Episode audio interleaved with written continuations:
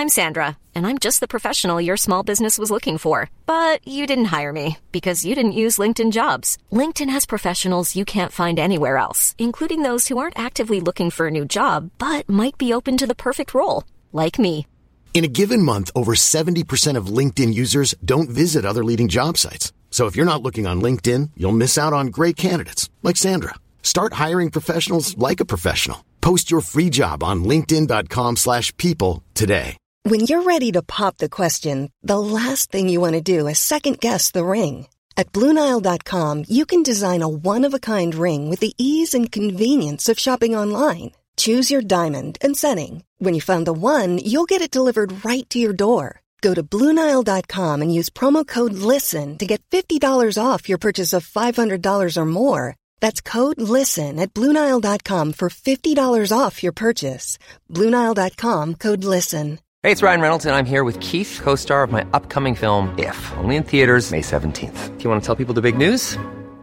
All right, I'll do it. Sign up now and you'll get unlimited for $15 a month in six months of Paramount Plus Essential Plan on us. Mintmobile.com slash switch. Upfront payment of $45 equivalent to $15 per month. Unlimited over 40 gigabytes per month. Face lower speeds. Videos at 480p. Active Mint customers by 531.24 get six months of Paramount Plus Essential Plan. Auto renews after six months. Offer ends May 31st, 2024. Separate Paramount Plus registration required. Terms and conditions apply if rated PG. This is Paige, the co-host of Giggly Squad, and I want to tell you about a company that I've been loving, Olive and June. Olive and June gives you everything that you need for a salon quality manicure in one box. And if you break it down, it really comes out to $2 a manicure, which is absolutely insane. It's also so easy to get salon worthy nails at home with Olive and June. The difference between how your nails used to look when you did them yourself and now with the Manny system is a complete game changer. The best thing about Olive and June too is it's a quick dry. Dries in about one minute, lasts for five days, and full coverage in up to one to two coats. Visit oliveandjune.com slash perfectmanny20 for 20% off your first system. That's oliveandjune.com slash perfectmanny20 for 20% off your first system.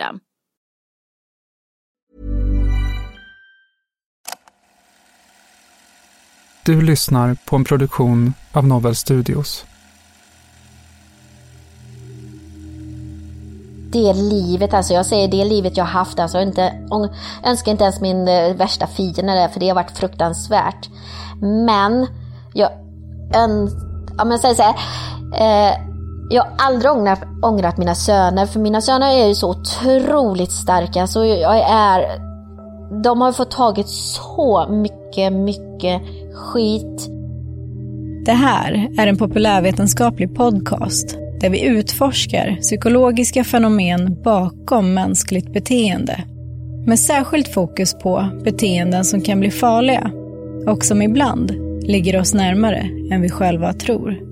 Jag heter Katarina Hovner och är rättspsykiatriker och forskare. Och jag heter Shilan Kaman och är beteendevetare och forskare. Du lyssnar på Det mörka psyket om borderline, andra delen.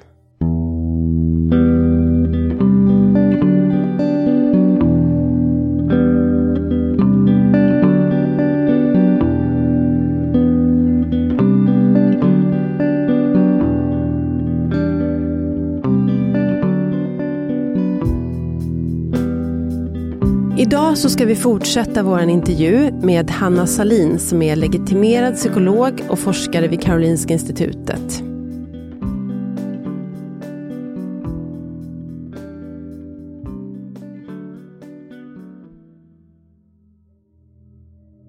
Efter de här tre månader som jag låg inne och fått ny medicin och jag fick diagnosen borderline så blev jag faktiskt utslussad hem och så blev jag direkt utslussad till en öppen psykmottagning. Ina är 50 år och bor i Partille. Så då kom jag dit och så träffade jag då en sjuksköterska liksom som berättade lite grann också för mig. Och då berättade hon för mig att vi ska börja med en eh, terapigrupp som heter MBT, mentaliseringsbaserad terapi. Då träffas man i grupp. Så sa hon så här att eh, jag vill jättegärna att du kommer på det här informationsmötet. Men bara det att den här gruppen var så pass nytt så att vi fick nog vänta, jag tror det var kanske tre månader innan. Och då hade jag träffat en psykolog under tiden. Så då fick man först träffas allihopa, vi som skulle gå i den här gruppen och då var vi åtta stycken. Och eh, då berättar de om hur den här behandlingen går ut på och det är att man sitter i en grupp en gång i veckan. Eh, vi har inga manualer och sånt utan man går utifrån vad som har hänt under veckan. Och så pratar man om det och så får vi andra reflektera, mentalisera liksom varandra och lära sig lyssna på andra, lära sig förstå andra och lära sig liksom helt enkelt dela med sig sina egna tankar. Samtidigt under tiden så satt det en psykolog och sjuksköterskan och de filmade oss under tiden. Sen så går de igenom det med, vi hade olika psykologer då, så att psykologen träffar man också en gång i veckan. Så min psykolog hade ju sett den här videon till mötet och sen så kunde han liksom säga, var det någonting på mötet du tänkte på som ni pratade om det ämnet och sånt där. För då vet han ju om vad det är för ämne vi har pratat om också.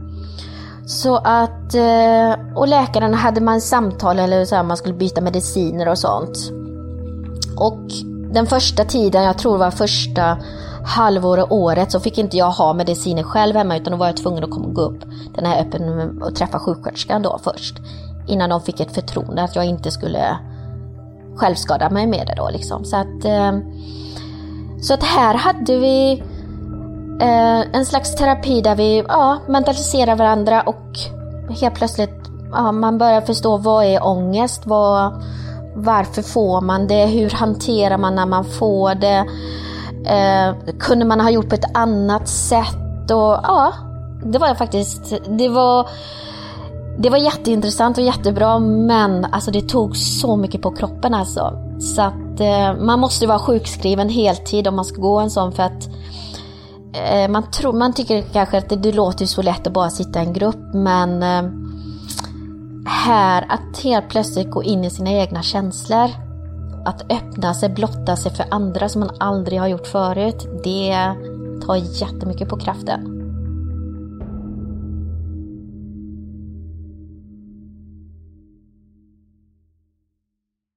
Jag tänker om vi kommer in lite på det här med varför, varför har de här personerna utvecklat den här diagnosen? Är det mm. så att vissa strategier fyllde en funktion under barndomen som i vuxen ålder blir dysfunktionella? Eller vad, vad är det som gör att man utvecklar en borderline-diagnos?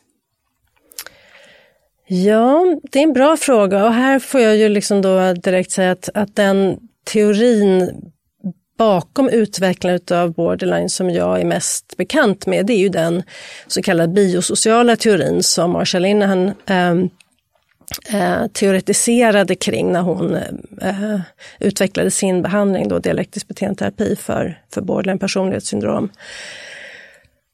Och den är väl till viss delar till vissa delar belagd forskningsmässigt. Men, men vad den går ut på, om jag, för jag förstår att mentaliseringsbaserad terapi, som också är en evidensbaserad terapi för den här gruppen, har, eh, har ju sina teoretiska bakgrunder kring mentaliseringssvårigheter, att förstå hur andra tänker och att tolka andra människor och, och sådana saker. Och den kan jag tyvärr inte. Så att jag, men om man tittar på den biosociala modellen så, så handlar den om helt enkelt man pratar om, och, det tror jag också att, att det finns en stark ärftlighet och liksom arvsfaktor i den här genetiska faktorer som påverkar den här affektiva instabiliteten. Man har sett starka kopplingar till impulsivitet också.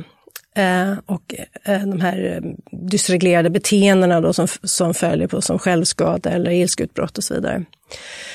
Så det tycks finnas en stark heritabilitet i borderline. Men det man då tänker är att, så den biosociala teorin försöker då förklara varför de här individerna utvecklar den här, de här, det här beteendemönstret.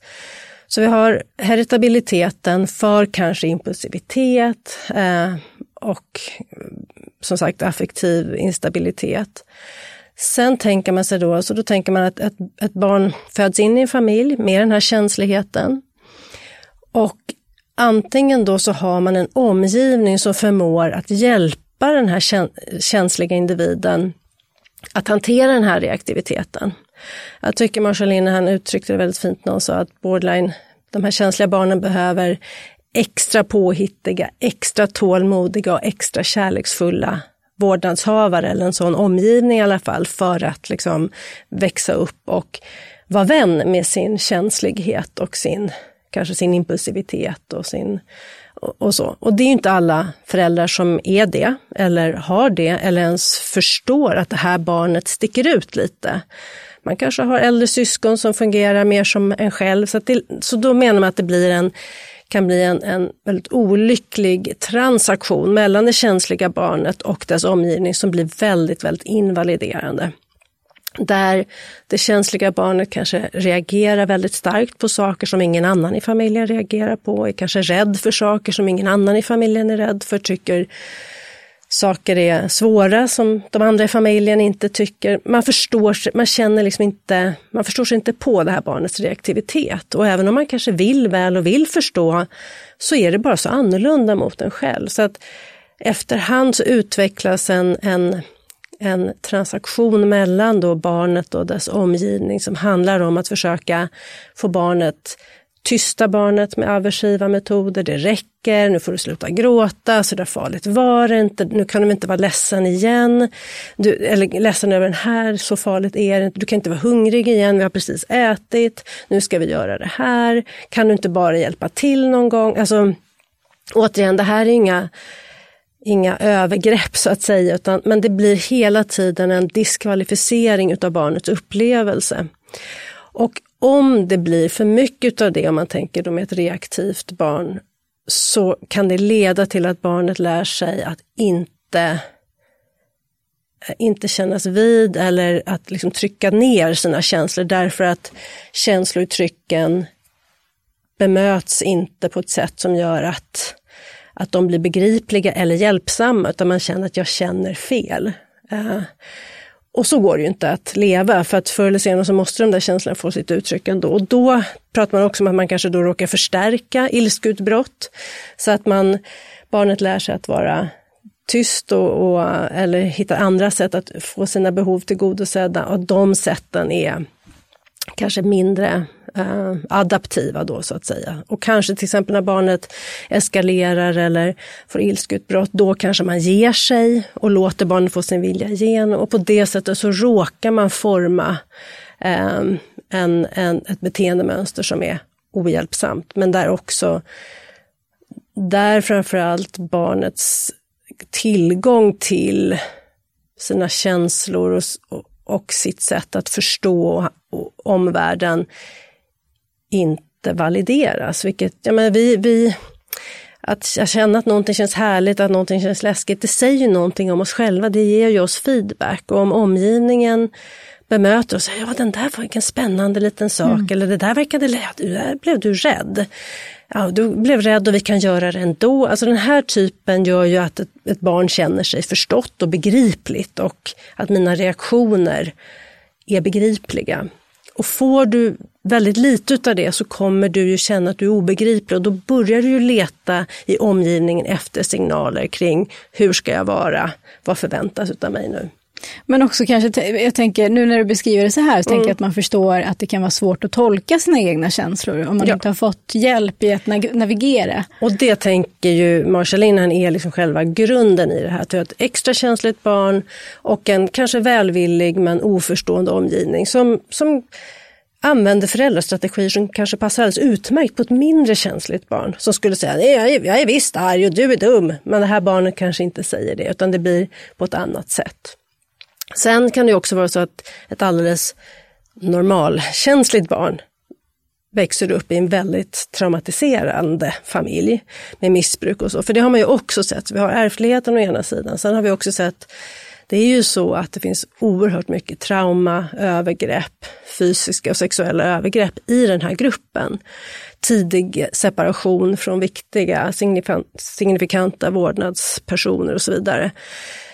Så att det är också en del som ändå tycks, som ändå skulle kunna stärka den här bilden. Eh, men, men just den här genomgripande invalideringen utav ens personliga upplevelser av saker och ting, det tänker man ändå kan vara en, en viktig del i det här utvecklandet och, och där också just de här um, ilskutbrott eller liknande ibland och kan förstärkas, eller då självskada. Men också tänker jag mycket att jag tror att barn ju Ja, sen finns ju impulsivitet som en faktor också och det har man ju sett mer och mer nu i forskningen att impulsivitet tycks föregå borderline um, Eh, problematik och så vidare. Så det kan ju också vara ett, och ett impulsivt barn kan ju också väcka mycket aversiv parenting, det vill säga att mycket med att vi försöker kontrollera, låt bli, lägg av, sluta, rör inte, gör inte så. Alltså, så att det kan också vara en del. Men vi, det är ju liksom det krävs ju ytterligare någonting mer, tänker jag i alla fall, för att det ska utvecklas till borderline än en, en ren ADHD. Just det. Och det finns likheter och skillnader mellan de grupperna också. Men, så den, den biosociala modellen är ju ett sätt att prata med patienter och att avstigmatisera dem eller att, liksom att visa att det här du kunde inte göra någonting annat, det här är liksom resultatet av en lång inlärningshistoria. Men också, och vi har haft mycket anhörigstöd när jag arbetade kliniskt, att också kunna prata med föräldrar om det här. Men jag förstod inte. Hade hon bara sagt att hon hade velat att vi skulle göra på ett annat sätt eller så, så hade vi ju kunnat göra det. För det kan ju också vara det, men barn berättar ju inte heller alltid så mycket för sina föräldrar. Så att, och att för många föräldrar är det också, så tanken är att man även ska kunna prata med anhöriga om den här modellen och, och, och lyfta bort skuld från dem också, därför att det är inte helt lätt att förstå kanske att, ens, att ett utav tre barn är superkänsligt på ett annat sätt än vad de andra är eller ja, hur man skulle kunnat göra på ett annat sätt. När jag började känna att det började förändras, det kanske var efter en halva tiden, nu säger jag att det här tog ungefär två, två och ett halvt år. Så säg under ett, efter ett år så började man trappa ner med mediciner. Man hade inte lika mycket mediciner kvar längre. Eh, man börjar känna sig lite annorlunda, alltså någonting lättare. Eh, man var lugn, alltså du vet man kunde börja sätta sig, kanske sitta och pussla. Man kunde gå ut och gå promenad och helt plötsligt bara, ja men det här var ju skönt. För innan var det ju det här man liksom, jag måste bara gå ut, jag måste gå ut. Och så tycker man ändå inte det är skönt och liksom man sig ut. Nu det sista var liksom att man tyckte det var skönt. Och det som jag har berättat i de andra ställena det är också det att man, jag ringde ju till min läkare för att min vän ångest kom ju aldrig längre tillbaka. När jag fick mina, ja men jag kunde vara arg och irriterad eller någonting sånt så fick jag inte den där ångestattacken utan man bara väntade på att men kom nu då, låt mig få den här eh, smärtan som jag ska ha. För det, alltså ångesten blev ju en, eh, ett straff för mig. Att, ja men det var ju mitt straff. Jag var ju tvungen att få ångesten om jag hade blivit arg och så här liksom. Men så fick jag inte den. Och det vet jag att jag ringde till läkaren och sa liksom att det är ju någonting fel. Jag har ingen ångest. Vad är problemet? Det är liksom... Men då, och det sa ju då, det är ju jättebra, det är ju friskhetstecken där liksom att... Men eh, du kan tänka dig själv att har man levt med ångest nästan hela sitt liv och helt plötsligt, om man är runt 40 år och inte har ångest, det, det var jätteobehagligt. Du vet, man gick ju varje dag liksom att man var van att man hade ångest dagligen och så går man varje dag och så händer det liksom ingenting. Det, och sen också liksom att jag var mycket lugnare med mina barn. Jag var liksom inte det här gapaskrek på dem och liksom så här, utan det var mer lugnt. Det blev mycket lugnare hemma. Och det märkte jag på barnen också, liksom att de tyckte det var, det var roligare att vara hos mamma igen.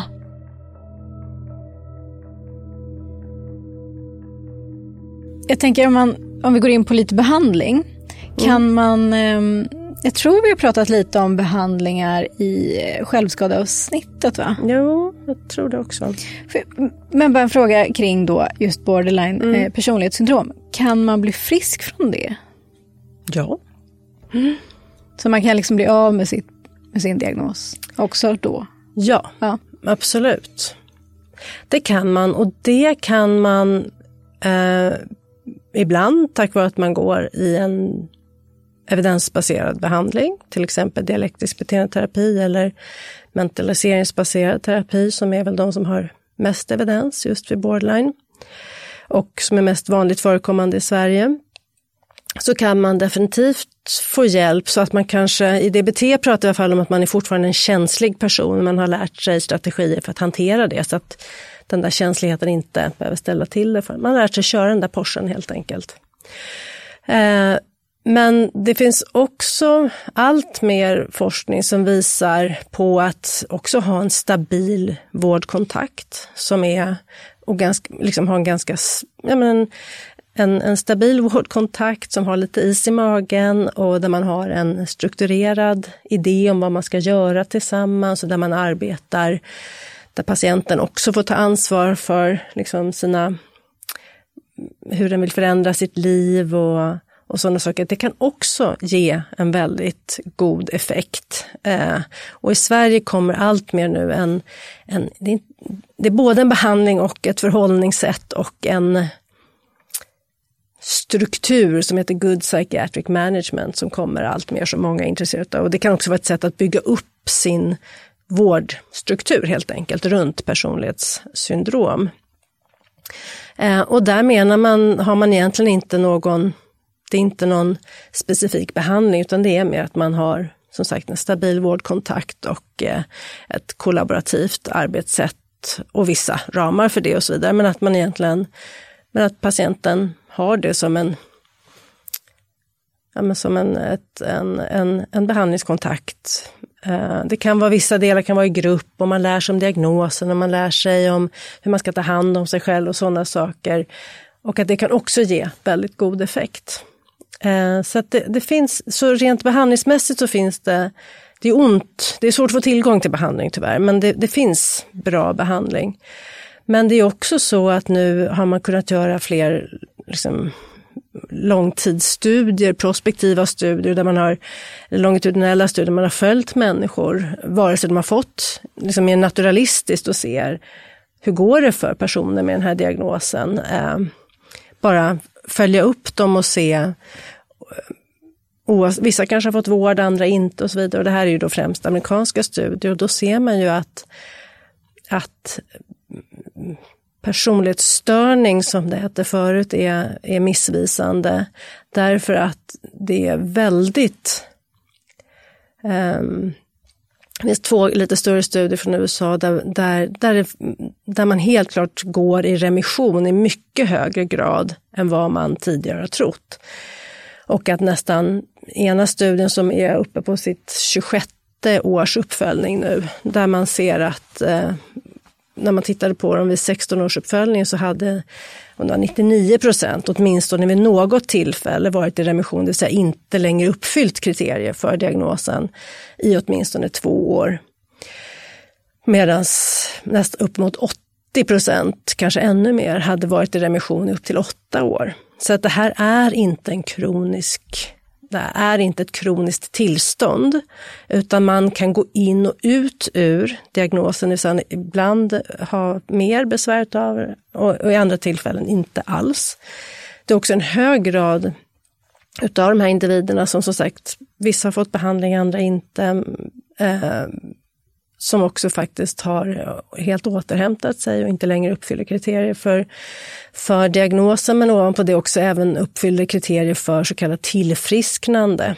Eh, men man kan ändå se att det finns, många i gruppen har väldigt stora svårigheter och att uppnå ett riktigt gott tillstånd, det är kanske färre som gör det i den här gruppen än kanske andra personlighetssyndrom eller personer med andra typer av, av svårigheter. Så det, det, det är lovande, eh, det vill säga att det inte är så kroniskt eller o, liksom, som man tänkte att man är obotliga, brukade man ju säga förut. Så är det ju verkligen inte, utan många får mycket minskade eh, symptom, helt klart. Andra kanske helt blir friska från det. Ovanpå det kan få ett gott, till och med ett gott fungerande. Och för de med gott fungerande så såg man att det är framförallt det som är viktigt. Det är ju att man, att man kommer i jobb. Så att, att börja jobba är en otroligt viktig faktor för just den här patientgruppen. Jag tänker att det är struktur, det är sociala, eh, en social kontext, det är liksom en känsla av kompetens och många saker. Så det tycks vara väldigt, väldigt viktigt just att fokusera på att hjälpa de här individerna att komma ur sjukskrivning eller hemmasittande och komma ut i, i arbetslivet. Jag tror, visst är väl det ingår också i den här eh, good, psychiatric management. Ja, precis. Mm. Just att det här att, att skaffa ett jobb är yeah. en viktig punkt där. Yeah. Mm. Och också någonting som är lite glädjande därför att ibland kan man ju, vi vet ju att gemenskap är viktigt och, och till exempel mm. vänner, relationer, yeah. men det är ju väldigt svårt att som behandlare skaffa yeah. ett gäng vänner. Mm. Men att hjälpa någon att skaffa ett jobb och komma mm. arbete, det är ju någonting som ändå är möjligt. Yeah. Även från professionellt håll. Mm. Eh, sen kan det ju leda till liksom, goda mm. relationer och sådana saker också. Men mm. jag tyckte det är också en sån, lite glädjande sak yeah. från behandlarsida. Att, så här, mm. att hjälpa någon i sysselsättning, mm. det är ändå görbart. Ja, inte alltid, ja, men och ofta. det ger också en riktning för vår kontakt. För, att det, för det tycker jag, även när jag arbetade kliniskt heltid, var ju att det kunde vi se för våra patienter att det var inte hjälp, det var ingen idé att träna upp färdigheter, relationsfärdigheter eller krisfärdigheter om du bara sitter hemma i din lägenhet. Du behöver ju fortfarande ha kontakter där du får märka att nu klarade jag av, när hon såg arg ut så blev jag inte rädd eller jag klarade av att be om det här eller jag klarade av att åka tunnelbana. Jag tänker det här att, att att sitta hemma eller vara sjukskriven kan ju skapa sådana vakuum där man inte heller Nej, men när man inte får prova färdigheter, när man inte får utmana sig själv och där kan ju verkligen undvikanden växa. Så det tror jag också är en väldigt, liksom, det ger någon sorts ram för oss hur vi kan arbeta. Så vi brukade jobba väldigt tidigt med just både beteendeaktivering men också att försöka få ut människor i sysselsättning. För det är också en sån frisk faktor för att man känner sig mycket mer normal eller som en del i samhället också. Mm. Och de här behandlingarna du har pratat om nu, det är ju liksom öppenvårdsbehandlingar ja. då. Mm. Hur är det med det här med slutenvård? Du måste säga någonting om det. Mm. Att ligga på sjukhus när man har den här problematiken. Ja. Tyvärr är det ju så att eh, heldygnsvård är ju särskilt giftigt för den här patientgruppen. Um, det blir sällan bra. Det blir oftast väldigt dåligt. Uh, och exakt varför det blir så vet jag inte, men, men jag, jag tänker att det är någonting med att, att strukturen där, att det är mycket människor och ändå ingen som kanske riktigt har tid med en, att man är i en väldigt intensiv känslomässig nöd. Men kanske, jag tror att det är väldigt förvirrande i alla fall för personer med kanske just det här interpersonella och, och emotionella relaterandet det blir förvirrande och risken är ju ofta att personer med, eh, med borderline eller emotionell instabilitet ökar i självskada och andra utageranden och till och med livsfarliga beteenden på en avdelning. Så även om man tas in som för, att, för avlastning eller kom in och vila några dagar eller rätta till medicineringen så är det ju väldigt vanligt att de här patienterna blir kvar i veckor, månader, tyvärr till och med i år. Med många liksom, tvångssituationer och, och väldigt mycket väldigt onda spiraler, verkligen där patienten kanske kommer in för en depression och skrivs ut med väldigt mycket självskador och ätstörningar och psykossymptom och allt möjligt. Så det, det är en väldigt olycklig det ska man verkligen försöka undvika så mycket man kan. Jag tänker också på det du berättade tidigare om det här med att man har den här instabila självbilden och gärna blir som mm. de man är med. Mm. Och då tänker jag också på det här som man ju ja, från klinikens sida då har mm. sett att har man flera patienter med den här problematiken yeah. på samma avdelning finns det mm. en otrolig risk för smitta. eskalering och mm. smitta mm. om man liksom förstärker och förvärrar. Mm. Så kanske någon som är debutant inom slutenvården som inte har självskada yeah. så mycket kan komma ut som en fullfjädrad. Yes. Ja, det blir lite motsvarande det vi pratar ibland om med, mm. med kriminalitet och SIS och sådana saker. en plantskola för liksom ett Tyvärr. dåligt beteende.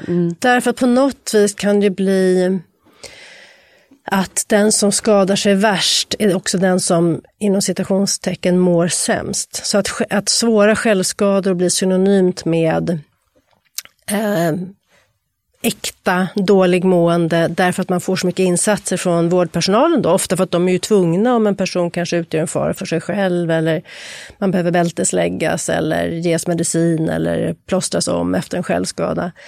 Så, så kan det tyvärr uppfattas som att i och med att de också tvivlar så mycket på sig själva, tvivlar så mycket på sina känslor, så vet man inte, mår jag dåligt eller inbillar jag mig bara? Men om jag skär mig och andra människor ger mig tröst, ja men då kanske det var riktigt då. Då kanske, är, då kanske jag är, förtjänar tröst eller får bli omhändertagen. Eh, och därför tänker jag i DBT, man är väldigt mån om att aldrig, aldrig jämställa mycket självskadebeteende med att man mår sämre än någon som inte självskadar. För att en person som försöker bryta sitt självskadande och stå ut med ångesten utan att självskada kan ju många gånger må väldigt mycket sämre. Eller man kan må jättedåligt utan att självskada. Så att vi no, var alltid väldigt noga med att just skilja på att prata om självskada och att prata om dåligt mående, för det är två väldigt olika saker. Men det är ju sånt som jag verkligen tror blir väldigt farligt på en avdelning och det är en hög risk för smitta och att man trissar upp varandra för att har jag inte självskada betyder det kanske att jag mår bra, men det känns inte som att jag mår bra och så blir det en väldigt osäkerhet kring det här, vad är det egentligen som händer? Eller också bara, ännu enklare förklaring kan ju också vara att man, man försöker be om hjälp. Och, och personalen har inte tid. Eh, för de har mycket annat att göra. Så att även när man använder relationsfärdigheter, det som vi egentligen försöker träna upp i DBT, att be om det du vill ha, säg nej till det du inte vill, så kan det bli så att man blir avvisad. Medan om man kommer ut med en färsk sårskada från rummet, då tar vårdpersonalen tar sig tid.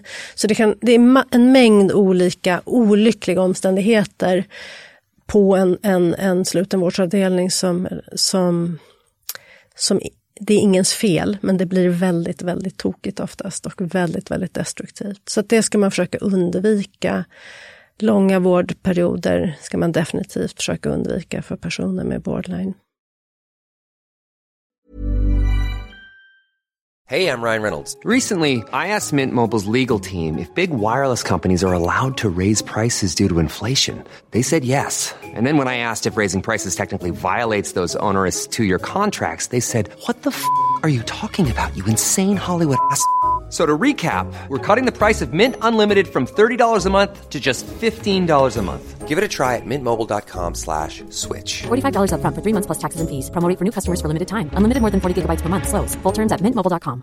Planning for your next trip? Elevate your travel style with Quince. Quince has all the jet-setting essentials you'll want for your next getaway. Like European linen, premium luggage options, buttery soft Italian leather bags, and so much more. And it's all priced at 50 to 80% less than similar brands. Plus, Quince only works with factories that use safe and ethical manufacturing practices. Pack your bags with high-quality essentials you'll be wearing for vacations to come with Quince. Go to quince.com slash trip for free shipping and 365-day returns. Quality sleep is essential. That's why the Sleep Number smart bed is designed for your ever-evolving sleep needs. Need a bed that's firmer or softer on either side? Helps you sleep at a comfortable temperature? Sleep Number smart beds let you individualize your comfort so you sleep better together. JD Power ranks Sleep Number number 1 in customer satisfaction with mattresses purchased in-store. And now, save 50% on the Sleep Number limited edition Smart Bed for a limited time.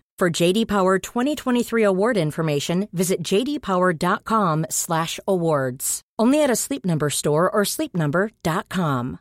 If you're looking for plump lips that last, you need to know about Juvederm lip fillers. With Juvederm Volbella XC and Juvederm Ultra XC, your lip look, whether it's subtle or bold, can last up to one full year with optimal treatment and no additional maintenance. Find a licensed specialist and see if it's right for you at juvederm.com today. That's J U V E D E R M.com. Add fullness to lips in adults over 21 with Juvederm Volbella XC or Juvederm Ultra XC. Do not use if you have severe allergies or a history of severe allergic reactions, or if you're allergic to lidocaine or the proteins used in Juvederm. Tell your doctor if you have a history of scarring or taking medicines that decrease the body's immune response or that can prolong bleeding. Common side effects include injection site redness, swelling, pain, tenderness, firmness, lumps, bumps, bruising, discoloration, or itching. As with all fillers, there's a rare risk of unintentional injection into a blood vessel, which can cause vision abnormalities, blindness, stroke, temporary scabs, or scarring. For full important safety information, visit juvederm.com.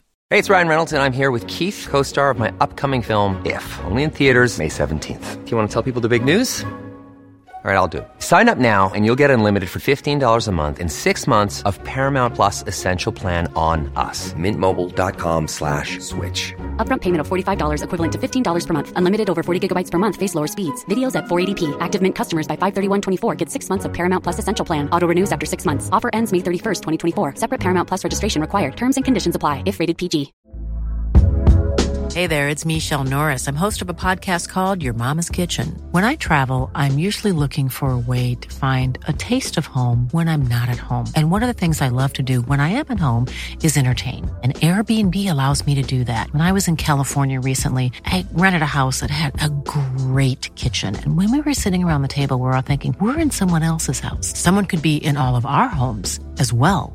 If you have a home, but you're not always at home, you have an Airbnb. Your home might be worth more than you think. Find out how much at airbnb.com slash host.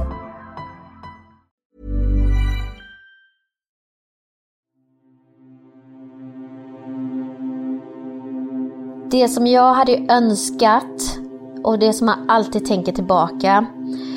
Det är att eh, jag hade tagits ifrån min adoptionsfamilj mycket, mycket tidigare. Med tanke på att jag menar, jag hade redan anmälning hos oss när jag var fyra år gammal och liksom man hade önskat att man hade blivit omhändertagen mycket, mycket tidigare. För att slippa den här, uh, ja.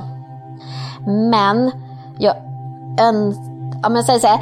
Uh, jag har aldrig ångrat, ångrat mina söner, för mina söner är ju så otroligt starka. Så jag är, de har fått tagit så mycket, mycket skit.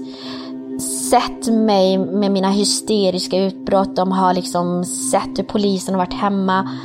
De har, ja, alltså det, den är så jävla smärt smärtsam eh, alltså, men jag är ändå så glad att jag ha, fick just de sönerna. Men jag hade önskat att skolan och kuratorerna, socialen, vad som helst hade omhändertagit mig mycket, mycket tidigare. Och omplacerat mig. Till exempel omplacerat mig kanske jag hade kommit till min fosterfamilj mycket, mycket tidigare. Verkligen alltså.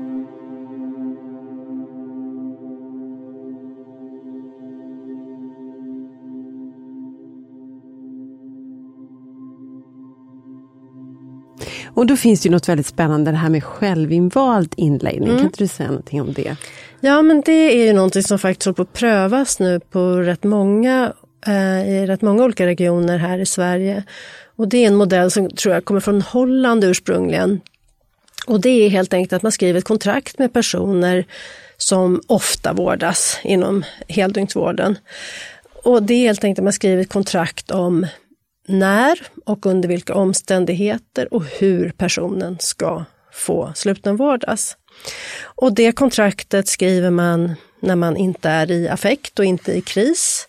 Eh, och sen eh, hjälper det då individen att de kan lägga in sig eh, jag tror att det kan vara några gånger i månaden under kanske två till tre dagar per gång. När de känner att de inte inte, när de är rädda för vad som ska hända om de stannar hemma eller att de känner att de behöver, behöver avlastning. Och då kan man skriva in sig eller ringa och säga okej okay, nu behöver jag komma in. Och då är det väl olika kriterier, bland annat att man inte kanske har gjort något farligt eller är alkohol eller drogpåverkad eller andra saker som man har kommit överens om i sitt individuella kontrakt med sin läkare eller sin vårdpersonal. Och sen så kan man åka in och då vet man alltid att det finns någonstans där jag kan få hjälp och avlastning. Men man vet också att det finns, jag behöver också sköta min del av avtalet, som att inte självskada eller inte vad det nu än kan vara. Och då finns det möjlighet att kanske komma ifrån en väldigt ensam lägenhet, få lite sällskap, få, få lite, kanske lite extra starkare sömnmedicin, medicin, kunna få sova ordentligt någon natt, men att man också inte stannar längre den här tiden och att man fortsätter all sin vård inom öppenvården under tiden. Så att det inte är så att man för det kan ju också ofta hända att man lyfts ur sitt vanliga sammanhang och så, till en början kan ju slutenvården vara ett himmelrike, att det känns, man har en smekmånad eller smekveckor och man vill absolut inte tillbaka till sin ensamma lägenhet eller den här dumma behandlaren man har i öppenvården som tycker att man ska börja jobba eller så. Eh, och sen eh, när det skär sig på slutenvården så spottas man ut och då har man ingenting kvar. Så det är också en del i, i den här självvalda inläggningen, eller brukar, brukarstyrda inläggningen. Det är att man ska fortsätta sitt, sina aktiviteter, sina åtaganden utanför avdelningen, men att man också får en möjlighet. Och det här tycks ju ha visat väldigt goda effekter, både det finns inga, inga färdiga studier ännu eller, eller färdiga resultat så, men, men det tycks lovande i alla fall, både vad gäller antal vårddygn men också personalens inställning till den här patientgruppen och också minskade liksom, eh, utageranden och, och tvångssituationer inne på avdelningen. Så att det här behöver ju studeras mer och det är ju också som alltid viktigt när man gör sådana här metoder eller modeller att man tänker efter, vad är funktionen med det här? För det är ju lätt att göra fel även med den här goda tanken. Så man måste ju fortfarande alltid hålla koll på vad är det, vad är det, vad är det vi gör och varför? För ni kan ju förstå att det är klart det kan komma någon som kanske inte riktigt har fullföljt sina delar i avtal men ändå vill komma in och så har man svårt att säga nej. Och, ja, och då urholkas det ju. Så att, eller att personalen sätter in saker som de inte ska göra under den här vårdtiden. Så det, det, det, är fortfarande, det finns inga perfekta modeller såvida vi inte jobbar med att, att göra dem så som de är tänkta. Men det skulle ändå kunna ta bort mycket av det här, både att behöva tjata sig in på, på vårdavdelningar, eh, att inte bli lyssnad på när man säger att jag behöver komma in. Kanske, ja, men också de här långa vårdtiderna som, som ju är väldigt väldigt destruktiva både för vårdpersonal och, och, och patienter. Jag skulle nog våga påstå att, eh, liksom att eh, gemene man slänger sig med begreppet borderline. Mm. Att någon har mm. borderline är ungefär lika vanligt som att mm. någon är psykopat eller numera narcissist. Mm. Det är också mm. väldigt, väldigt vanligt. Eh, men om vi säger så här att, att det är någon person som starkt misstänker att mm. en anhörig, partner, kanske vän, mm. eh, lider just av borderline mm. personlighetssyndrom eller vet att den personen mm. gör det. Hur ska man förhålla sig? Vad ska man tänka på och hur kan man ja. underlätta? Det är ju det är ju så svårt, tyvärr. Det är svårt av flera skäl, därför att det kan vara svårt att få tillgång till vård. Uh, det är ju ofta så att borderline är inte den diagnosen som ställs först, utan man har oftast fått en mängd andra diagnoser innan man landar i borderline-diagnosen. Så har man en, en anhörig eller en vän som man misstänker så kanske den personen har kontakt med vården, har haft kontakt med vården, inte vill ha mer kontakt med vården eller är missnöjd med den vård man har. Så det kan, där kan det också vara svårt att, att motivera personen att söka vård. Det kan också vara så att personen i fråga inte har någon egen insikt. Då är det också svårt att få personen att söka vård, tänker jag. Eller att det då också inte finns rätt vård, för det är också ont om bra vård för den här gruppen. Så ja, man kan ju försöka prata med sin anhörige eller sin vän och försöka motivera till. Eh, kanske få personen att läsa någonting om det eller se om man känner igen sig. Är, är, har man den typen av konversation, då tänker jag att då handlar det mer om att hjälpa personen att hitta någon sorts rätt vård, vilket tyvärr också kan vara svårt.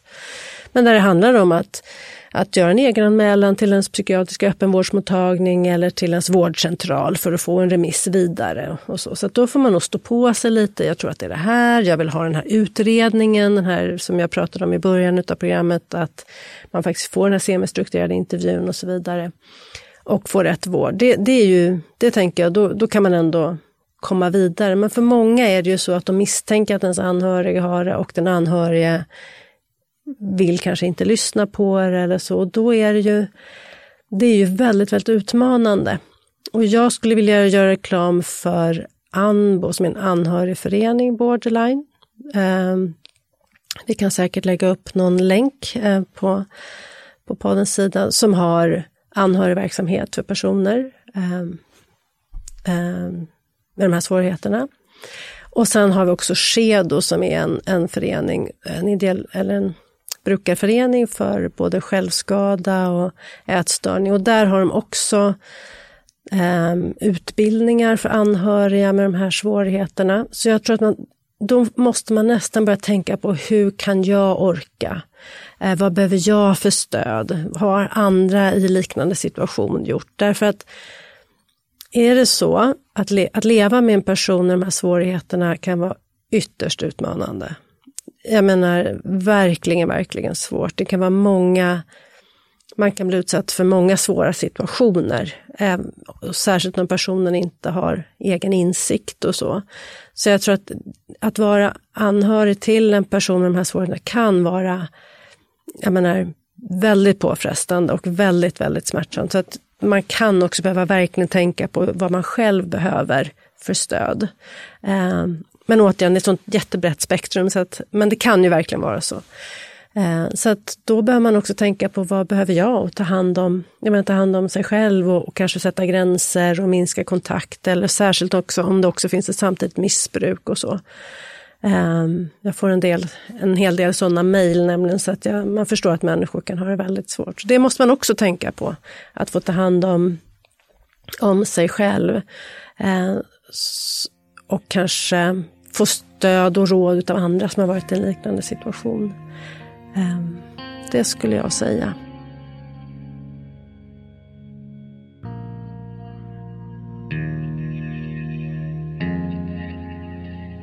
Jag, eh, jag tycker att det här har varit en väldigt fin intervju med Hanna eh, om ett ämne som är, eller ett fenomen eller vad ska man säga, ett tillstånd som är, eh, eller i alla fall har varit väldigt stigmatiserat. Så det, jag tycker att det är väldigt uppfriskande att höra, höra om det liksom ur en mer, på ett mer empatiskt eller sympatiskt förhållningssätt. Eh, till borderline. Det tycker jag är väldigt uppfriskande. Och också det här med att man faktiskt kan tillfriskna. Det tycker jag inte att man eh, pratar om så mycket. Att jag tycker att när man, när man pratar om personlighetssyndrom generellt så är det som att det är liksom, det har man tills man dör i princip.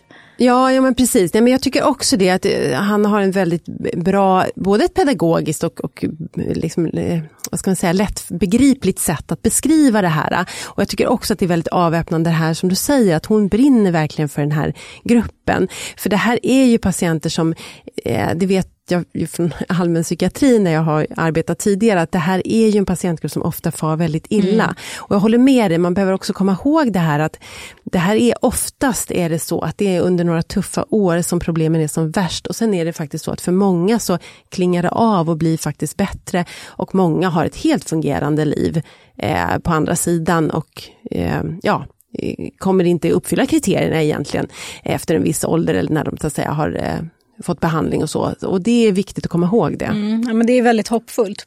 Men en fråga då på just det här ämnet. Skulle du säga att det gäller liksom är det förbehållet borderline-problematik eller går det också, alltså det resonemanget, går det att applicera på andra typer av personlighetssyndrom också?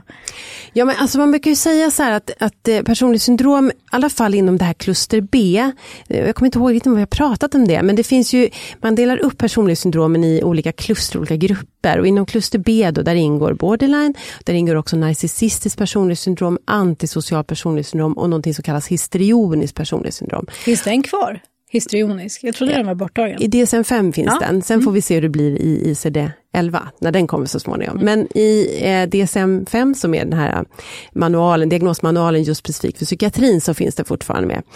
Men i alla fall, där brukar man säga att det här är, är ett tillstånd som brukar klinga av med åldern. Så att det är få som i liksom högre ålder uppvisar eh, samma eh, symptomflora eller samma eh, bild. Mm. Och det kan till och med vara så att man faktiskt inte uppfyller kriterierna längre efter en viss ålder. Så det brukar klinga av. Det finns andra personlighetssyndrom som kanske kan till och med bli nästan förvärrade längre upp i åldrarna. Och varför de här eh, i kluster B då framförallt eh, blir bättre med åren då, det kan man ju fundera på. Dels kan det ju vara att man har fått behandling, genomgått behandling. Men jag tror också att i den här gruppen så är det väldigt extroverta personer, de är väldigt utåtriktade och de är ofta eh, stöter och bröter mot andra personer. Alltså man, man, man liksom, om man alltså lite sig... utagerande är det väl också på vissa sätt? Ja, ja, men precis, utåtriktade, ja, utagerande. de, de liksom ja. interagerar med andra personer, de håller sig inte på sin Nej. kant utan de hela tiden stöter och blöter mot andra människor. Vilket ju kan vara slitsamt förstås i de här relationerna. Men om man tänker sig som en sten också så är det ju så att ju fler gånger man stöter emot så trubbas ju liksom dragen av också. Ju fler situationer man har varit med om, ju flera gånger man har prövat sin, sina liksom, egenskaper och sina eh, liksom, drag mot andra, så kan man också tänka att de liksom trubbas rubbas lite av. Så jag tänker att det också finns en sån bit i det, att man då, eftersom man hela tiden stöter ihop med andra, så kanske man också på något sätt eh, anpassar sig lite, även om det är just anpassning som är svårt när man har ett personlighetssyndrom. Och sen är det också en sån sak som utmognad, alltså hjärnan fortsätter ju att mogna hos oss ganska långt upp i åldrarna. Och i till exempel borderline, vilket man kan se i vissa neuropsykiatriska tillstånd, då är det ju ofta så att man kan se att det finns en typ av omognad i känslosystemet till exempel, som sen faktiskt kanske mognar på sig fast lite senare. Eh, och just när vi pratade om borderline så var det ju mycket tonårs... Eh, mm. Man kunde känna igen mycket av problemen som en eh, extrem tonårsperiod som liksom inte riktigt går över när den ska, utan det tar lite längre tid. Och det tror jag också man kan ha med sig lite i det här. Men, men du var lite inne på det här med vissa som kan förvärras. Skulle det typ vara schizoid eller liksom, alltså de här mer, ja, att precis. man drar sig undan? Paranoid och, liksom. och så, där man då håller ja. sig mer för sig själv. Då tänker jag att då är det tvärtom så att då stänger man liksom ute andra människor och man prövar inte sina drag och man stöter inte på andra människor på samma sätt utan tvärtom kanske man sitter med sin föreställningsvärld och är mera isolerad och man, man låter den gro ännu mer. Alltså man kanske kommer ännu längre in i sina eh, övertygelser, föreställningar och får dem inte prövade på samma sätt och på det sättet skulle man kunna tänka sig att det blir värre. Det här ska jag säga, det är ingenting som jag, eh, det, det, här är tankar jag har ja, kring just de här bitarna. Men, ja. men, jag, tänk, men jag tänker så här, det som är så himla intressant och som man kan ta med sig oavsett om man har en personlighetsstörning eller ett personlighetssyndrom eller inte, det är att personligheten förändras under livets lopp. Det har vi pratat om i ett tidigare avsnitt. Att, och, det, och det tänker jag också är väldigt hoppingivande. Att bara för att du är på ett sätt idag betyder inte att du behöver vara den personen om tio år, utan man kan verkligen förändras. Ja men verkligen, och det tycker jag, även om det är svårt, det är ju inte lätt att liksom bara förändra sin personlighet. Och även om man kanske inte kan tvätta bort vissa av sina drag helt så kan man ju anpassa dem. Och man kan definitivt tona ner eller förstärka drag. Det kräver ju lite jobb förstås men det är ju liksom någonting som ändå kan vara värt att fundera över, speciellt om man ofta hamnar i konflikter med andra personer, då kan man nog behöva fundera lite på. Ja men verkligen, och jag tänker just om man, om man justerar vissa saker eller beteenden så upplever man nya upplevelser av att man man kanske lär sig väldigt mycket av att anstränga sig, alltså att det, att det verkligen kan löna sig att, att lägga in den ansträngningen. Ja men verkligen. Ja.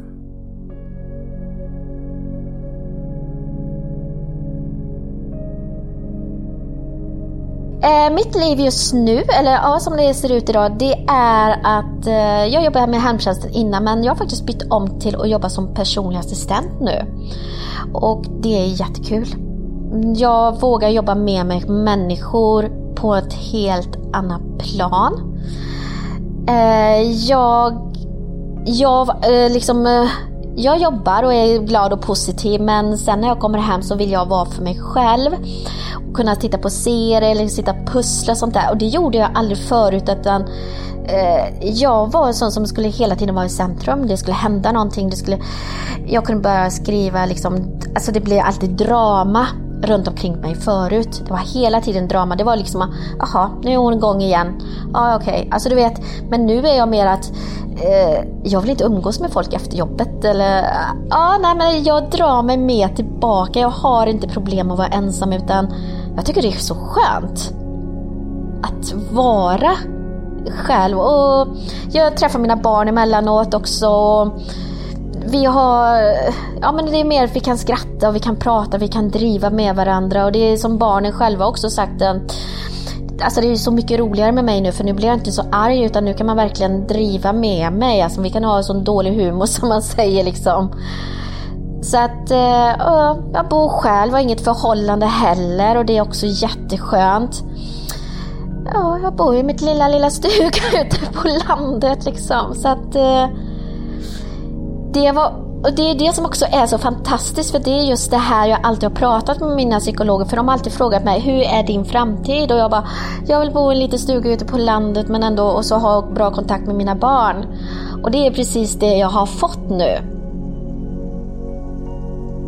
Om jag skulle träffa på någon som, eller jag kan säga så här faktiskt, att det är folk som har skrivit till mig som jag inte känner. Som har skrivit att jag tror att jag har borderline, hur ska jag göra? Och då har jag skrivit till dig, kontakta din eh, öppen psykmottagning. Eh, berätta att du tror att det här, att du har hört ja, men till exempel mig prata om detta och du känner igen dig. Ta hjälp, gör det. Och att ja, det är tufft med under tiden behandlingen. Men alltså du ska veta hur mycket lättare du kan Du får så kallade verktyg som man säger inom psykiatrin, liksom att man får verktyg att lära sig. Om jag får ångest och omedvetet så vet jag hur jag ska hantera det. Och det är, det är inte bara för dig utan det är för din omgivning, för din familj. Att man måste tänka det också, för det var någonting jag inte gjorde. Jag var väldigt egoistisk. Jag tänkte hela tiden, ja men papporna kan ta mina barn. Så har man familj och barn, så tänk på dem. Tänk nu inte bara på dig själv. För det är egentligen de som åker mest illa ut. För de får ju ingen behandling, de får ju liksom ingen riktig hjälp som vi får som söker om eh, borderline-terapi och sånt liksom. Så att eh, för ditt eget bästa och för din, för din familjs skull och vänner så kommer du må så mycket, mycket bättre.